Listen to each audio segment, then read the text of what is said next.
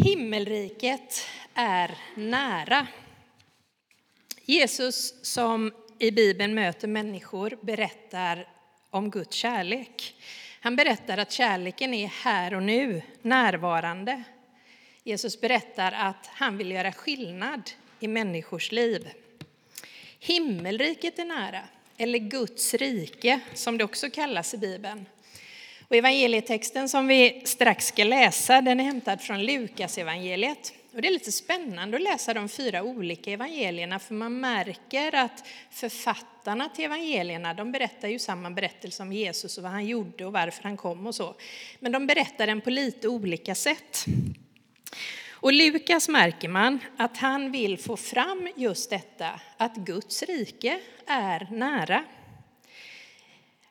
Fram till, det, till kapitel 17 där vi ska läsa från så har vi kunnat följa Jesus som ända sedan han utvalde sina lärjungar och apostlar har talat om Guds rike.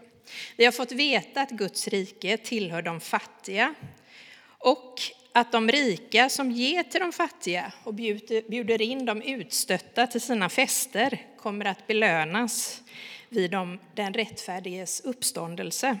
Det har Lukas berättat om. Redan nu så ska de som följer Jesus leva ut Gudsrikets principer och visa barmhärtighet. Vi ska älska våra fiender, vi ska vända andra kinden till och avstå från att döma våra medmänniskor. I Guds rike ska man vara beredd på att äta med vem som helst utan anseende på status. Den minste ska bli störst de ringa ska upphöjas och härskarna ska störtas från deras troner. Guds rike är som ett senapsfrö och en surdeg som kommer att växa så att det knakar och genomsyra allting. Ja, ungefär så har Jesus undervisat när man följer Jesu liv i Lukas evangeliet. Han har undervisat om ett annorlunda förhållningssätt ett förhållningssätt för att Guds intention om att alla människor ska få plats, få vara med, leva i respekt och förlåtelse ska bli synlig redan här och nu. Men också bli synlig i framtiden när Människosonen kommer tillbaka. Ja, ungefär så beskriver Lukas det. Guds rike är redan här och nu, men kommer också komma en dag i sin fulla kraft. Och som Therese sa i inledningen, inte alls lätt att förstå. Och det tyckte inte heller människorna på Jesu tid. Det fanns många frågetecken kring det han sa.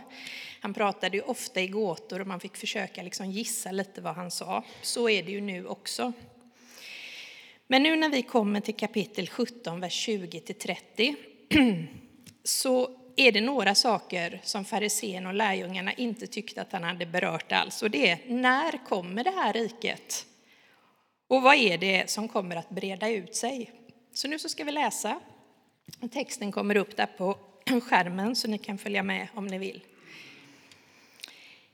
Tillfrågad av fariseerna om när Guds rike skulle komma svarade han Guds rike kommer inte på ett sådant sätt att man kan se det med sina ögon. Ingen kan säga här är det eller där är det. Nej, Guds rike är inom er. Till lärjungarna sa han, det ska komma en tid då ni längtar efter att få uppleva en enda av Människosonens dagar men inte får det. Man ska säga till er, där är han eller här är han. Spring inte dit de pekar, rusa inte efter dem. Ty liksom blixten flammar till och lyser upp hela himlen från horisont till horisont, så ska Människosonen visa sig på sin dag. Men först måste han lida mycket och förkastas av detta släkte. Som det var i Noas dagar, så ska det bli under Människosonens dagar. Folk åt och drack, gifte sig och blev bortgifta, ända till den dag då Noa gick in i arken och floden kom över dem och gjorde slut på dem alla. Eller som på Lots tid, folk åt och drack, köpte och sålde, planterade och byggde. Men den dag då Lot lämnade Sodom regnade eld och svavel från himlen och gjorde slut på dem alla. Likadant blir det den dag då Människosonen uppenbaras.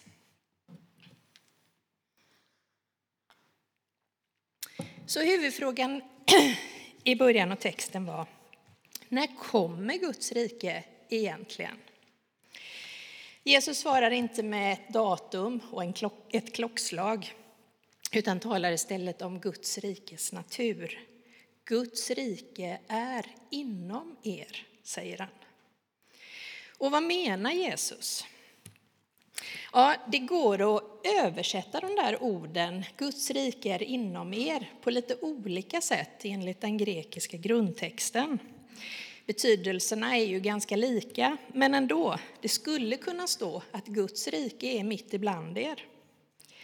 Kanske menar Jesus att Guds rike finns inom alla människor eftersom Gud har skapat alla människor.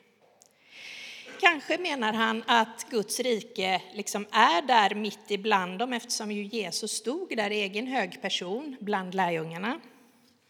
Eller kanske menar han att Guds rike blir synligt när vi handlar gott mot varandra i ett socialt samspel. Hur som helst, inom oss, mitt ibland oss, Guds rike är här och nu. Vår uppgift är att vara i kontakt med Guds rike, sprida det i ord och handling. Och hur kan vi då känna igen detta Guds rike? Det finns ju många sätt, men jag gillar verkligen några rader av Nils Bolander som jag vill läsa. Han skriver så här. Guds rike är inte en skyddad klosterträdgård där hänryckta själar känner sig hemma och tillfreds, glömska av kampen och farorna. Nej, Guds rike är ju mitt uppe i den bitterljuva vardagen, varhelst den osjälviska kärleken lever och spirar. Den osjälviska kärleken. Där känner vi igen Guds rike. Ja, i allt som andas, kärlek, ljus, frid, värme, glädje, där är Guds rike nära.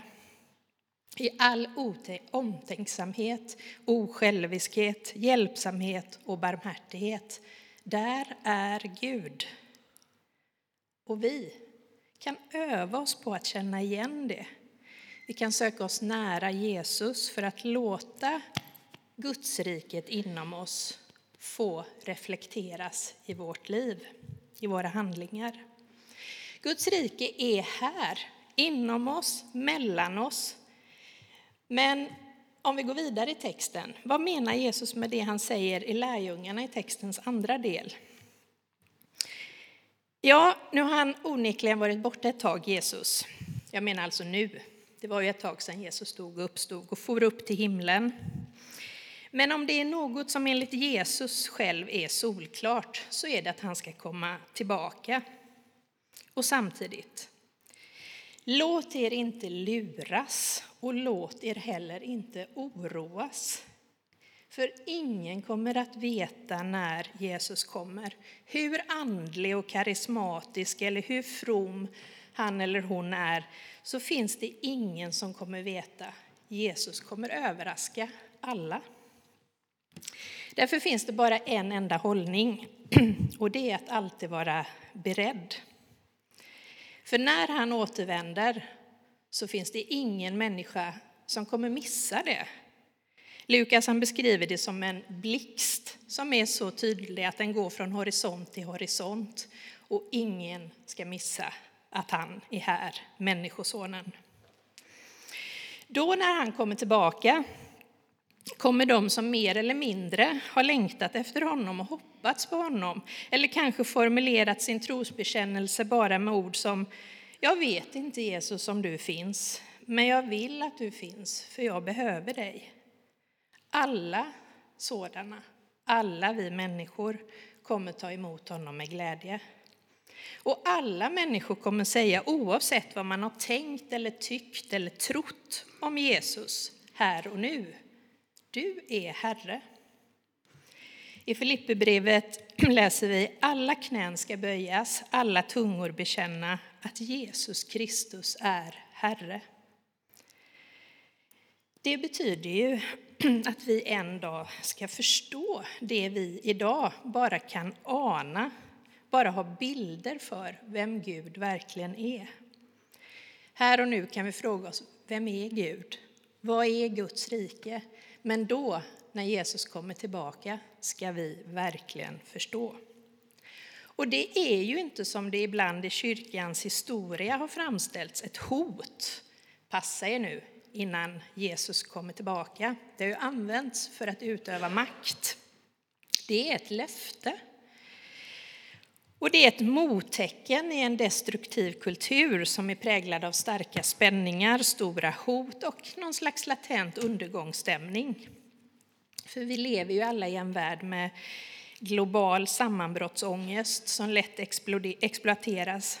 Vi lever med klimathot, gängkriminalitet, politisk osäkerhet, krig, Ukraina, Ryssland, Israel, Hamas.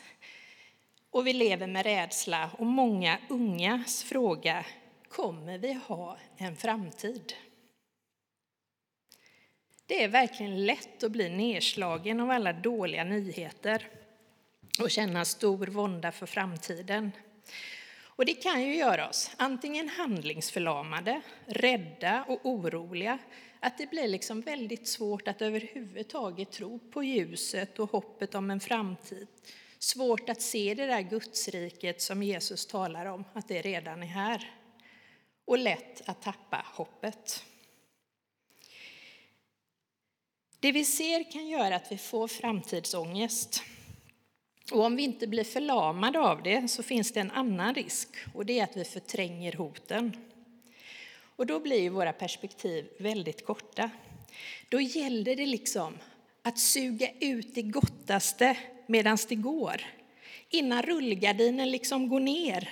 Att få ut så mycket som möjligt av de dagarna som i bästa fall återstår. Och samtidigt hoppas på att det blir många innan allting slutar och världen är över. Det är de här känslorna jag tänker att Jesus försöker knyta an till när han pratar om Noas tid och Lots tid.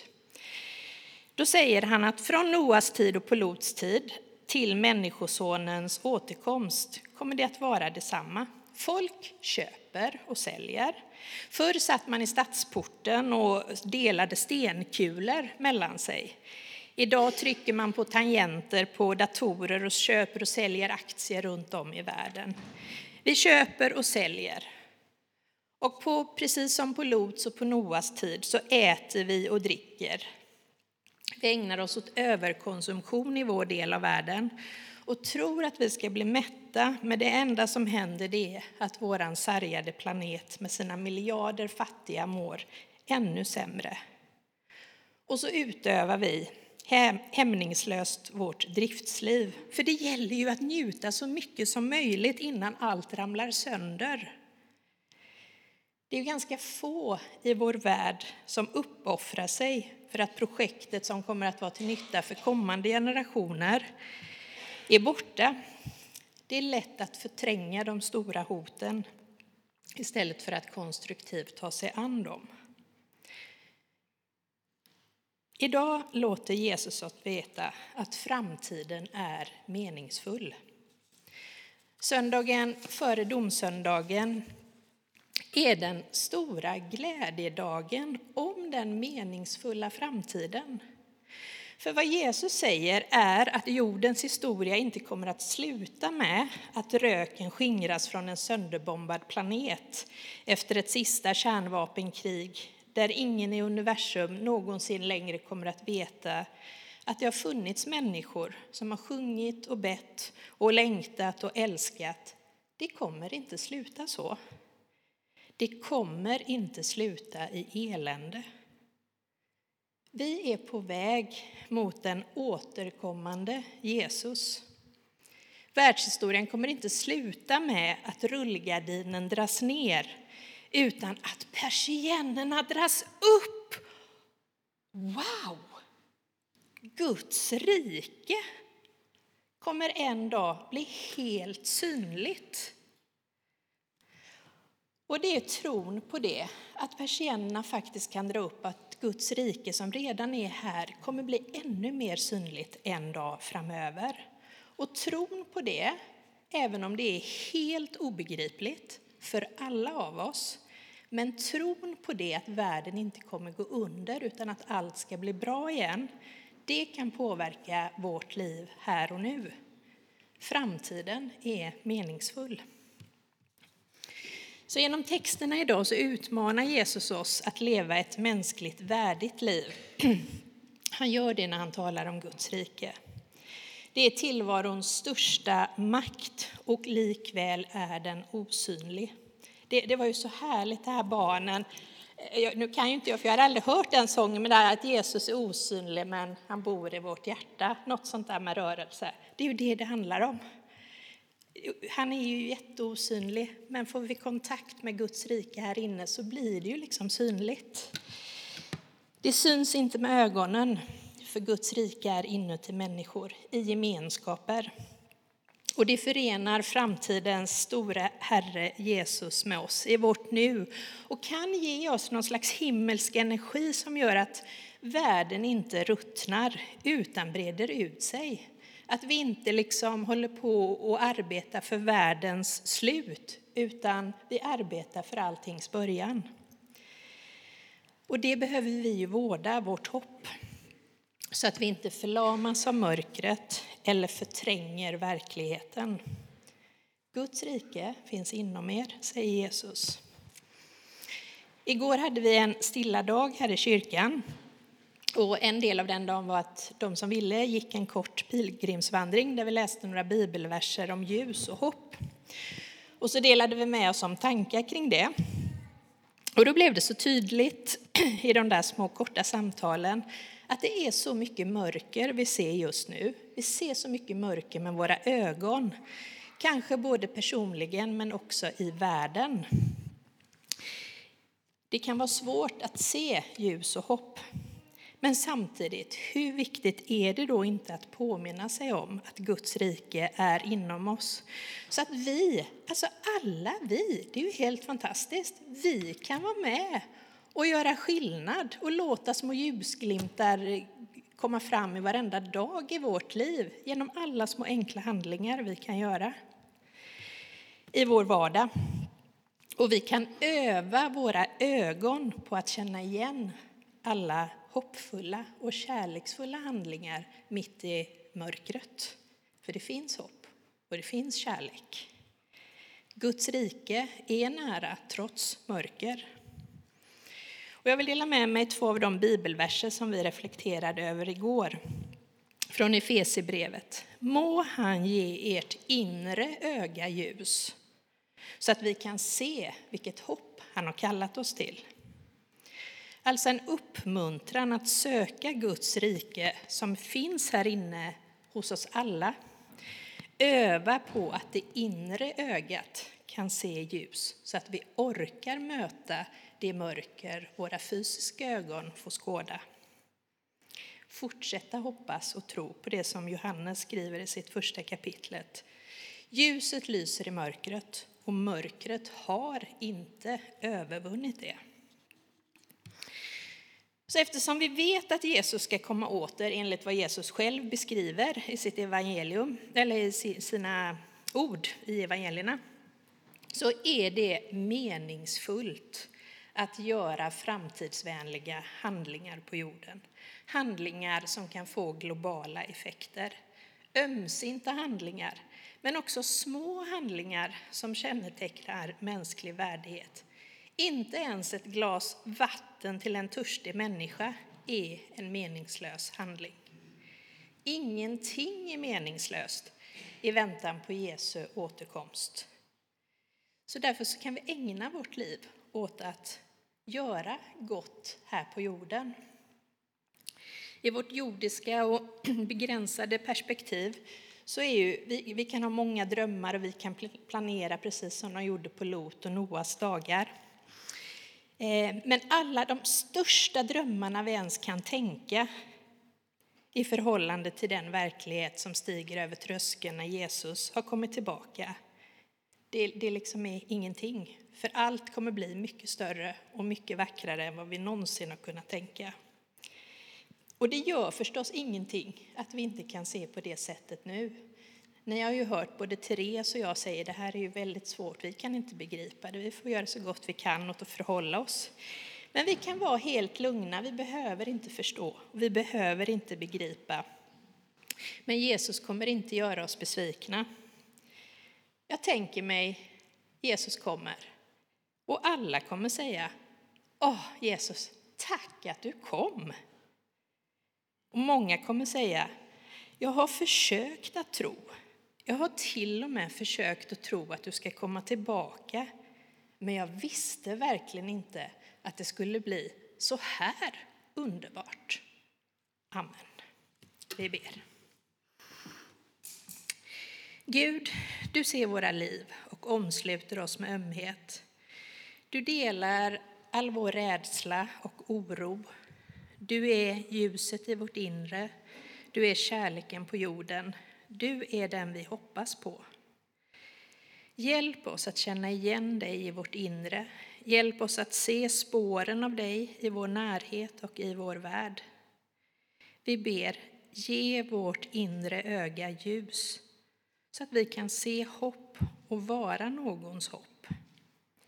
Hjälp oss att sprida Guds rike genom det vi är och gör tills dess allt blir bra igen. Amen.